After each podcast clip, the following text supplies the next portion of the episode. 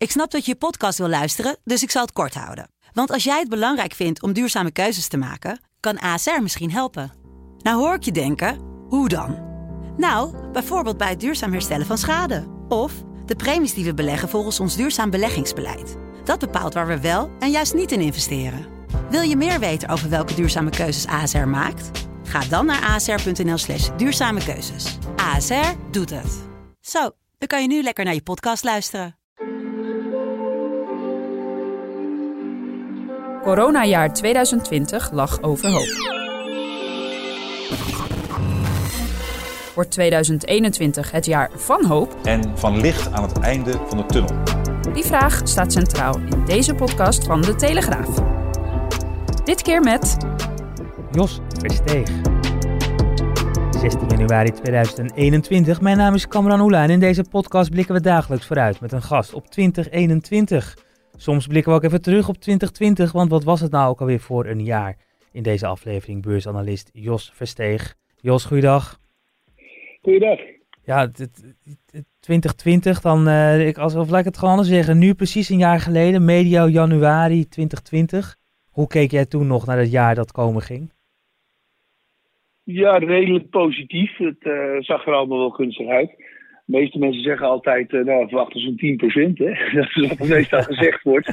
Maar we hadden wel, in januari had je al wel een idee van jongens, met dat virus is er een risico dat het niet goed gaat. Ik kan me Mm. nog wel goed herinneren. Ja, Uh, heel begin januari, ik meen half januari al, uh, kregen we de eerste besmettingen in Italië. En toen uh, werden we er nog lacherig, lacherig over. Ja. Maar het was al wel, het was al wel aanwezig. het kwam er steeds dichterbij. Ja, En, eh, ja, en, en, en, en dan eh, voordat het jaar, corona, in Nederland ook, een, een, een lockdown. En ik, ik, ik kan me zo herinneren dat op een gegeven moment het leek, het wordt allemaal, het is allemaal verschrikkelijk. Maar de enige plek waar het allemaal positief is, is de beurs. ja, dat is vaak wel verwonderlijk. Ja. Maar er is ook uh, heel anders gereageerd als er normaal in een recessie is. Hè. Mhm. Normaal uh, ja, gaat de bank wel de rente verlagen, de centrale bank. Er komt wel wat stimulering van de overheid. Maar hier ging het allemaal wel heel erg snel. En dat is echt de sleutel geweest dat, uh, dat de beurs zo snel herstelde. Want wat er natuurlijk speelde is dat je ook weet van, van nou ja, er komt een moment dat het over is. En ik denk wel dat in het begin mensen wel die, de hoop hadden van, van nou eind van het jaar zijn we er vanaf. Maar iedereen hield een beetje die tweede golf in zijn achterhoofd. Maar dat die zo erg zou worden, dat is denk ik toch wel veel mensen tegengevallen. Mm-hmm. Maar wat echt gewoon heel erg geholpen heeft, is natuurlijk die, die dat enorme ruime monetaire beleid. Die forse renteverlaging in de Verenigde Staten. En ook nog de beloftes dat de rente lang laag zal blijven. Dus ook al loopt de inflatie een beetje op, de rente blijft voorlopig laag. De Fed zegt uh, tot twee, voor 2023 hoef je geen renteverhoging te verwachten. Nou, dan hoef je hem in Europa ook niet te verwachten, denk ik. Nee. Nu ben jij, ben jij een analist, hè? dus jij kijkt naar wat er gebeurt en analyseert dat. Maar op basis ja. daarvan hè, kan je vaak ook al iets voorspellends uh, zeggen. Uh, ja. Was het juist door, door de manier waarop overheden hebben gereageerd, door de manier waarop banken hebben gereageerd, was het daardoor ook beter te voorspellen allemaal? Of, of het, was het juist ingewikkelder, omdat je niet wist hoe groot steunpakketten bijvoorbeeld zouden kunnen zijn? Ik denk eigenlijk dat het wel wat makkelijker wordt. Deze recessie die we zo'n beetje achter de rug hebben, is wat makkelijker. Zeker toen in november het uh, vaccin bekend werd. Ja, dan kon je gewoon uitrekenen van uh, zo rond, rond, het, uh, rond volgend jaar zomer is, iedereen gevaccineerd. Dus in ieder geval de meest kwetsbare groepen zijn dan gevaccineerd. Mm-hmm. En dan is het voorbij. Ja. En wat er ook nog eens een keer speelde, is in een normale recessie dan zie je eigenlijk dat uh, over een hele breed front mensen ontslagen worden.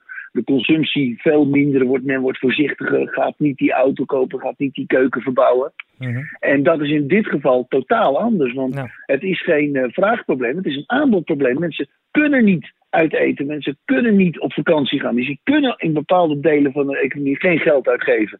En wat gebeurt er met dat geld? Dat wordt opgepot. Ja. En als je dan weet dat uh, van de zomer, na de zomer, die uh, pandemie voorbij is, ja, dan wordt dat geld komt met een grote golf de economie in. Ja. Dus ja, je gaat ook dan nog een, een, een, flinke inhaalrace zien. En dat zie je eigenlijk met een normale recessie niet. Dus dat maakte het allemaal wel wat makkelijker, ja. Ja, maar eh, mensen hebben ook meer tijd, hè? Dat, eh, dat zien we natuurlijk ook. En meer tijd is vaak ook op zoek naar nieuwe hobby's. En nou, die kunnen niet buitendeurs, dus dan maar binnendeurs. En volgens mij zijn ook wel veel mensen begonnen met beleggen juist tijdens die coronacrisis. Heb je dat, eh, is, klopt dat? Hebben jullie daar iets van meegekregen?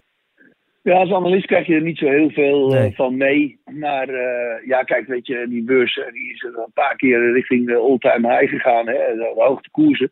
En dan, eh, ja, dan heb je altijd natuurlijk de spijtoptanten die niet op tijd zijn ingestapt of niet durfden in te stappen. Die dan eh, instappen nog. En eh, ja, ik denk dat het nooit te laat is. Ja. Het is nooit natuurlijk handig om op het hoogste punt in te stappen. Nee. Maar, Maar dan moet je weten wat het hoogste punt is.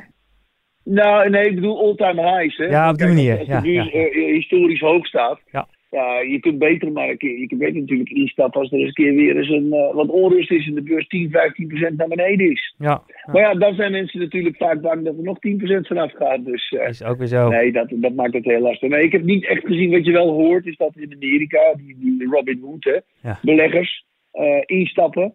Maar ja, of dat nou echt groot, groot effect op de markt heeft, dat vraag ik me wel eens af hoor. Als we dan eh, naar dit jaar eh, kijken, inmiddels eh, vaccins ontwikkeld. Amerika krijgt een president die waarschijnlijk iets voorspelbaarder gedrag vertoont. Ehm, Ja. Gaan we daarmee ook naar een rustiger beursjaar toe? Dat is moeilijk te zeggen. We hebben wel inderdaad uitzonderlijke volatiliteit gehad aan het begin van het jaar. Je ziet wel dat in het jaar daarvoor, eigenlijk tot 2018, 2019, dat waren wel heel erg weinig volatiele eh, jaren. Mhm. Eh, ja, ik denk dat die volatiliteit wel, ja, waarschijnlijk wel ietsjes hoger zal zijn dan die hele rustige jaren die we gehad hebben. Hè. Maar ehm, ja, het is heel lastig om te voorspellen hoe wild het wordt. Er, zijn, er spelen natuurlijk nog wel een aantal eh, problemen. Hè. Kijk, die, die, die, die Britse variant van het virus is op korte termijn behoorlijk riskant. Ja. Die kan nog tot, de, toch tot grote problemen zorgen. Kijk maar wat er in, in Engeland gebeurt. Ehm, nou ja, gelukkig werkt het vaccin wel op die, eh, op die mutaties. En eh, ook al komen er nog een paar andere mutaties, waarschijnlijk werken die vaccins daar wel op. Maar ja, dus zoiets kan altijd nog gebeuren. Nou, we hebben natuurlijk de brexit, die onzekerheid hebben we achter de rug. En inderdaad, we hebben een wat voorspelbaarder eh, president. Dus het ziet er naar uit dat het allemaal wat beter wordt. En ja, wat je nu wel ziet, bijvoorbeeld aan het begin van het jaar, is dat de rente iets op begint te lopen. En over het algemeen ja, is dat, eh, wordt er vaak gezegd van oplopende rente is nooit gunstig voor aandelen. Maar als je van een heel laag niveau komt en eigenlijk de economie aan het herstellen is, is het eigenlijk alleen maar een gezond teken. Dat betekent eigenlijk eh, ja, dat eh, de beleggers zien dat de economie herstelt en dat de inflatie iets oploopt. En dat gaat prima samen met stijgende aandelenmarkten. Dus ja, we zitten eigenlijk aan het begin van een ja, behoorlijk cyclisch herstel wat we in 2021 gaan zien. Dus eh, ja, ik denk dat het een, eh, wat dat betreft wel een mooi jaar kan worden hoor. Nou, dat, eh, dat, dat, dat is altijd eh, goed om te horen van, eh, van beursanalisten. En dat eh, ook, ook altijd gevaarlijk, want dan, dan, dan, dan krijg je toch een beetje, oh, moet ik dan nu? Ehm, eh, Ja, ja, weet je, kijk, dat is beleggen. Hè? Ja. Beleggen je, je, je neemt risico. Je zoekt expres risico op en dan word je voor beloond. Ja. Dus ja, als je, je moet schieten om te scoren, hè, zegt Cruijff. Dus je, je moet wel wat doen. En je moet risico nemen en dat moet je durven. En als je dat niet tegen kan, eh, of als je het niet, eh, financieel niet kan leiden, blijf dan alsjeblieft weg bij de beurs. Dus je, je moet het echt doen met geld. Weet je, ik zeg altijd, een belegger moet bereid zijn om, om, om, om 20, 30 procent van zijn geld te kunnen missen. Dat gebeurt eens in de zoveel jaar. Ja. En dan moet je tegen kunnen. Ja. Een klap van 20, 30 procent. Dat kan altijd gebeuren. Nou, ik, ik, ik ben niet in alle eerlijkheid zo'n. eh, ik, ik neem best wat risico eh, in het leven, maar eh, op, op, dit vlak, op dit vlak niet. Ik heb thuis wel een vrouw die, die af en toe zegt van, nou, ik, ik ga iets, ik ga toch ergens instappen. En dat was ook onder andere met de Bitcoin. Toen die weer heel Oh, hard daalde op een gegeven moment. toen die, ja, ik vond het allemaal onzin, maar toen die heel hard daalde, ik geloof dat het was nog 1500 euro of zo. Toen zei ze, nou, Ja? ik er gewoon toch één of twee kopen? Dan, en, en toen was Oh, het 3.000, slim. 4.000. Zei ze nog één of twee kopen? Toen zei ik, nee joh, ben je helemaal gek joh, zonder van het geld. Kun je dat nog beter in de verbouwing stoppen? En nu Ja. baal ik, want inmiddels eh, is het geloof Oh, ik... niet gedaan? ja, nou, oh, nee, niet gedaan. Nee, dat kan ik hier wel eerlijk eh, verklappen. Maar eh, zo'n bitcoin, hè, dat is, stijgt dus nu naar recordhoogte. Is dat, is dat de toekomst voor beleggers? Is, is, zien jullie dat? Nee, absoluut niet. Nee, wij zien het absoluut. We beleggen er helemaal niet in. We adviseren er ook niet in. Maar ja, kijk, weet je, het is een beetje vergelijkbaar met goud. En dat soort beleggingen doen het heel erg goed als je een, een, een, een negatieve reële rente hebt. De inflatie is hoger dan de rente. Dat betekent dat je eigenlijk als je geld cash aanhoudt, beleggingen die geen cash opleveren, ja, die, eh, daar, daar verlies je eigenlijk niks op. Hè? Want je, je hebt geen alternatief om het op de bank te zetten waar je dan rente van krijgt of zo. Dus je verliest eigenlijk geld. En dan zijn dat soort beleggingen vaak relatief interessant. En, maar je ziet nu dat de lange rente ietsjes oploopt, dus die reële rente ook wat, wat oploopt. En daardoor zijn we ja, wat voorzichtiger zijn we nu met, met, met goud en bitcoin. Mhm. Maar sowieso, kijk, dat, dit zijn echt meer speculatieve beleggingen. Hè? Goud ook en, en bitcoin ook, die leveren geen dividend. Nee. Of rente. Uh, ze, ze, ze, leveren geen kaststroom op. Dus het is mhm. puur speculeren op prijs.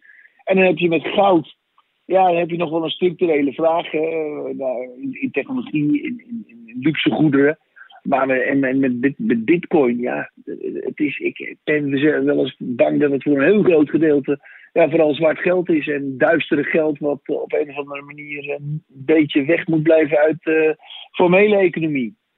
Uh, dat het daar sterk door gedreven wordt. Dus nee, wij, wij doen er niks mee. Heb ik weer een argument uh, thuis als die discussie toch weer ja. gaat oplaaien. um, ja.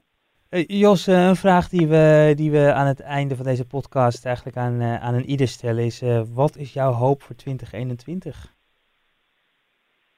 Ik hoop natuurlijk dat we zo snel mogelijk van die pandemie afkomen. En dat we dan weer gewoon normaal kunnen leven en werken en elkaar weer kunnen omarmen. Dat is toch wel mijn wens voor 2021. Op naar het omarmen, mooi. Jos Verstegen, beursanalist, regelmatig ook te zien uh, bij, uh, bij de Telegraaf in onze in soort video's. Uh, en vandaag hier in, de, in de podcast. Dankjewel. Tot je dienst. En, Fijne avond. Ja, dankjewel. En u bedankt voor het luisteren. morgen dan zijn we er weer met een nieuwe aflevering. Dan weer een andere gast, maar wel weer meer hoop.